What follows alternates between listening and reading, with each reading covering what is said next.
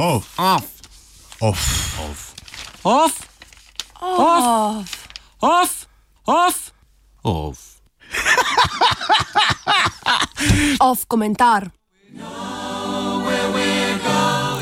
Slabi in dobri evropejci.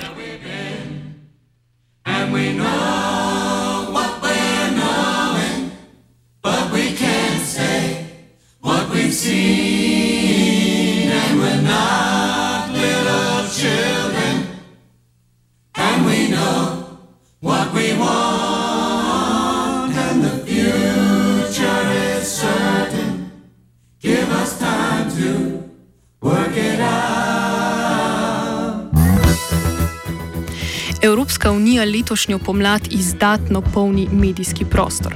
Prejšnji teden je zaznamoval začetek pogajanj o britanskem izstopu iz Evropske povezave.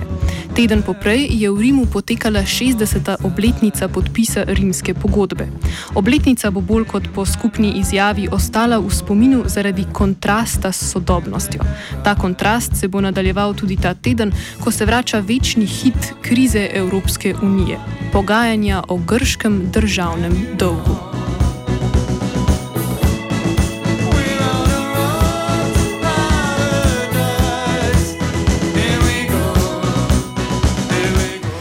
Ozračje na petkovem srečanju evroskupine na Malti bo še nekoliko bolj hladno kot sicer, saj se bodo finančni ministri srečali prvič po kontroverznem intervjuju predsednika evroskupine Žerona Dijsselbloma.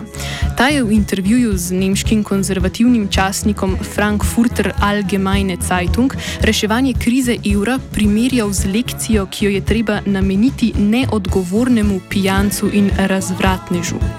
Tej izjavi, ki je bila razumljena kot bodica mediteranskim članicam Evropske unije, je sledil poziv k njegovemu odstopu med drugim strani portugalskega premijeja Antonija Košte, bivšega in morda prihodnjega italijanskega premijeja Mateja Rencija in vodje socialdemokratov v Evropskem parlamentu Giannija Pitele.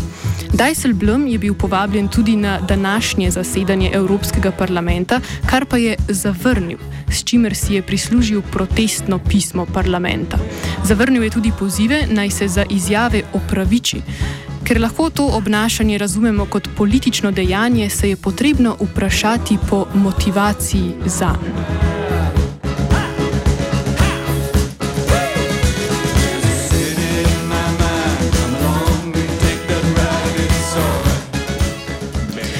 Prva možnost je, da Dijsselblom dejansko verjame v populistično razlago nastanka krize evroobmočja, torej da je vzrok za njo v razsipnosti južnih držav, ki se niso držale fiskalnih pravil. Med vrsticami je v tem implicirano seveda tudi to, da gre tu za po nacionalnem karakterju nedisciplinirane in lene države, ki so želele iztisniti denar iz držav severa. Te v skupno dobro ustrajajo pri pravilih. Sever se je torej žrtvoval dvakrat. Najprej s sprejetjem vedno problematičnih južnjakov v svoj elitni klub monetarne discipline in na to z naivno pomočjo, ko so te države po svoji stari navadi zakockale denar, do katerega jim je pomagal finančni prestiž sosedov. Na mesto hvaležnosti je sedaj sever deležen mržnje in obtožb o ne neokolonializmu. Če pogledamo celotno Dijsselblomovo izjavo, se zdi, da cilja ravno na to. Citiramo. Med krizo evra so države severa pokazale solidarnost z državami, ki jih je prizadela kriza. Kot socialdemokrat izjemno cenim solidarnost. Imeti pa je treba tudi odgovornosti. Ne moreš porabiti vsega denarja za pijačo in ženske ter na to prositi za pomoč. Where we've been, and we know what we're knowing, but we can't say what we've seen. Čeprav Dijsselblom, kot se danes brani v izjavi, ni izpostavil južnih ali mediteranskih držav, je razlika vendarle jasno vzpostavljena z oznako države severa.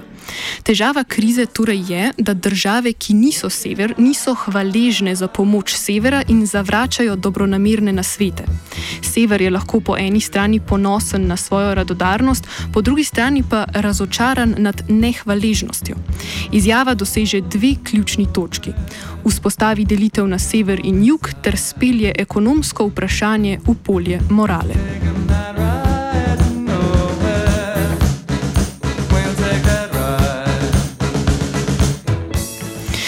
Razlaga evrokrize je bila seveda že nič kolikokrat zavrnjena, celo med neoliberalnimi ekonomisti in strani mednarodnega denarnega sklada.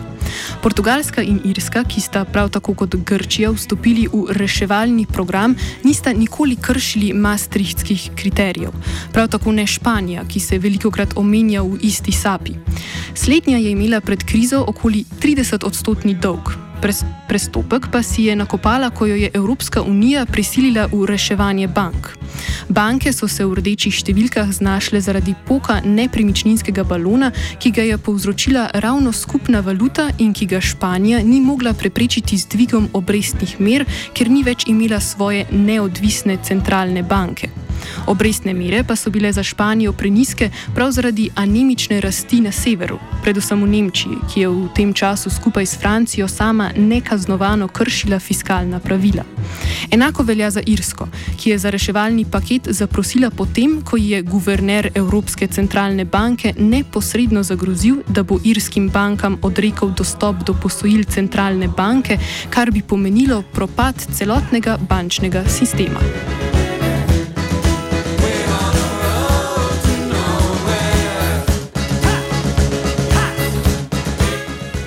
Če Dijsselblom dejansko verjame moralistični razlagi evrokrize o varčnih in razsipnih državah, je nevarno neprimeren za vodenje evroskupine. Vsako reševanje krize evra se mora začeti s poznanjem, da njen izvor leži v samem monetarnem sistemu, ki nima mehanizmov, ki bi bili potrebni za delovanje skupne valute. Ta resnica je danes med akademskimi ekonomisti, vsaj tistimi, ki v zgodbo evra niso osebno upleteni, tako razširjena, da lahko upravičeno podvomimo o motivih za to, da v Bruslju in Frankfurtu še vedno iščejo rešitev krize v rezanju grških pokojnin. Priznanje, da vzrok za krizo evra leži v skupni valuti sami, bi pomenilo, da bi morali voditelji Evrope priznati napake, tej politični ceni pa so se do sedaj še uspeli izmakniti. Priznati bi morali, da države ne prenehoma kršijo fiskalna pravila. Ne zaradi tega, ker so razsipne, ampak ker so pravila sama nesmiselna. Dokler se cena za napake evra plačuje daleč od srca Evropske unije, je lažje ohranjati fikcijo, da je za vse kriv denar, zapravljen za pijačo in ženske.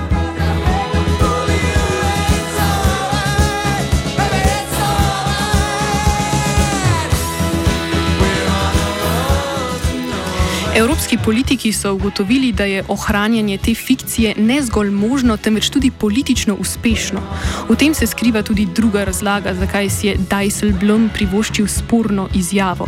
Namreč zato, ker je vedel, da bo dobro sprejeta pri bravcih Frankfurter Allgemeine Zeitunga. Isti časopis je naprimer leta 2012 v uredniški kolumni kritiziral nemško vlado zaradi prevelikih socialnih ugodnosti, ki naj bi jih uživali Španci v Nemčiji. Kolumna je izpostavila tudi, da bi nemška podjetja bolje uporabila denar, če bi izobraževala Nemce kot pa Špance, ki jih je treba poslati na jezikovne tečaje. Dijsselblom lahko upravičeno upa, da si je z intervjujem, ki je izzval protest v mediteranskih državah, izboljšal imič med voljivci, na katere se za nov mandat zanaša nemška kanclerka Angela Merkel. S podporo Nemčije pa bi si povečal možnosti, da ostane predsedujoči evroskupini tudi potem, ko ne bo več nizozemski finančni minister. Dijsselblomova laboristična stranka je namreč na nedavnih nizozemskih parlamentarnih volitvah doživela hud poraz in najverjetneje ne bo več del vladne koalicije.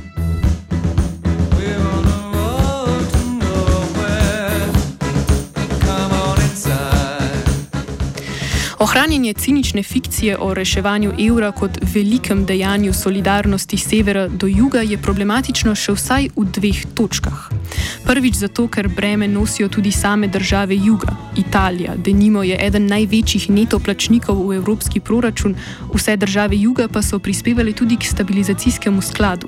Drugič pa zato, ker se bo v nekem trenutku fikcija izpela in bo evropejcem potrebno pojasniti realno situacijo. Glede Grčije je realna situacija ta, da se je preko nje reševalo predvsem zasebne investitorje v grških obveznicah in pa, da se ne da iztisniti vode iz kamna, torej da bo potrebno grški dolg prej ali slej prestrukturirati, kar bo vsebovalo tudi delni odpis dolgov. Ljudje, ki jim politiki tipa Dijsselblom danes govorijo, da so solidarni, bodo nad tem precej razočarani. Ne glede na to, ali bodo bolj jezni na Grke, na svoje politike ali na banke, katerih izgube bodo takrat poplačali, ni prav verjetno, da jih bo ta jeza naredila bolj zavezane evropskemu povezovanju.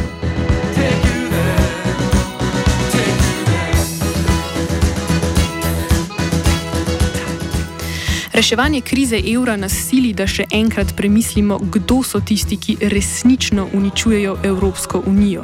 Kakšni so, na primer, učinki Gerta Wildersa, večno opozicijskega politika v eni izmed srednje velikih evropskih držav, v primerjavi z zamerami in razočaranjem, ki ga je že in ga še bo povzročilo reševanje evra.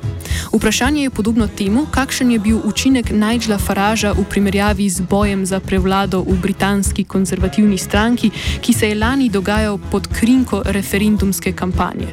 Če bodo euroskeptiki na koncu slavili zmago, jo bodo dosegli zgolj zato, ker so jim jo podarili dobri evropejci.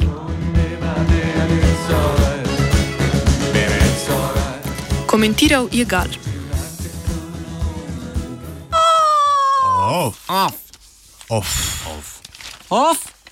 Off. Off. Off. Off. Off komentar.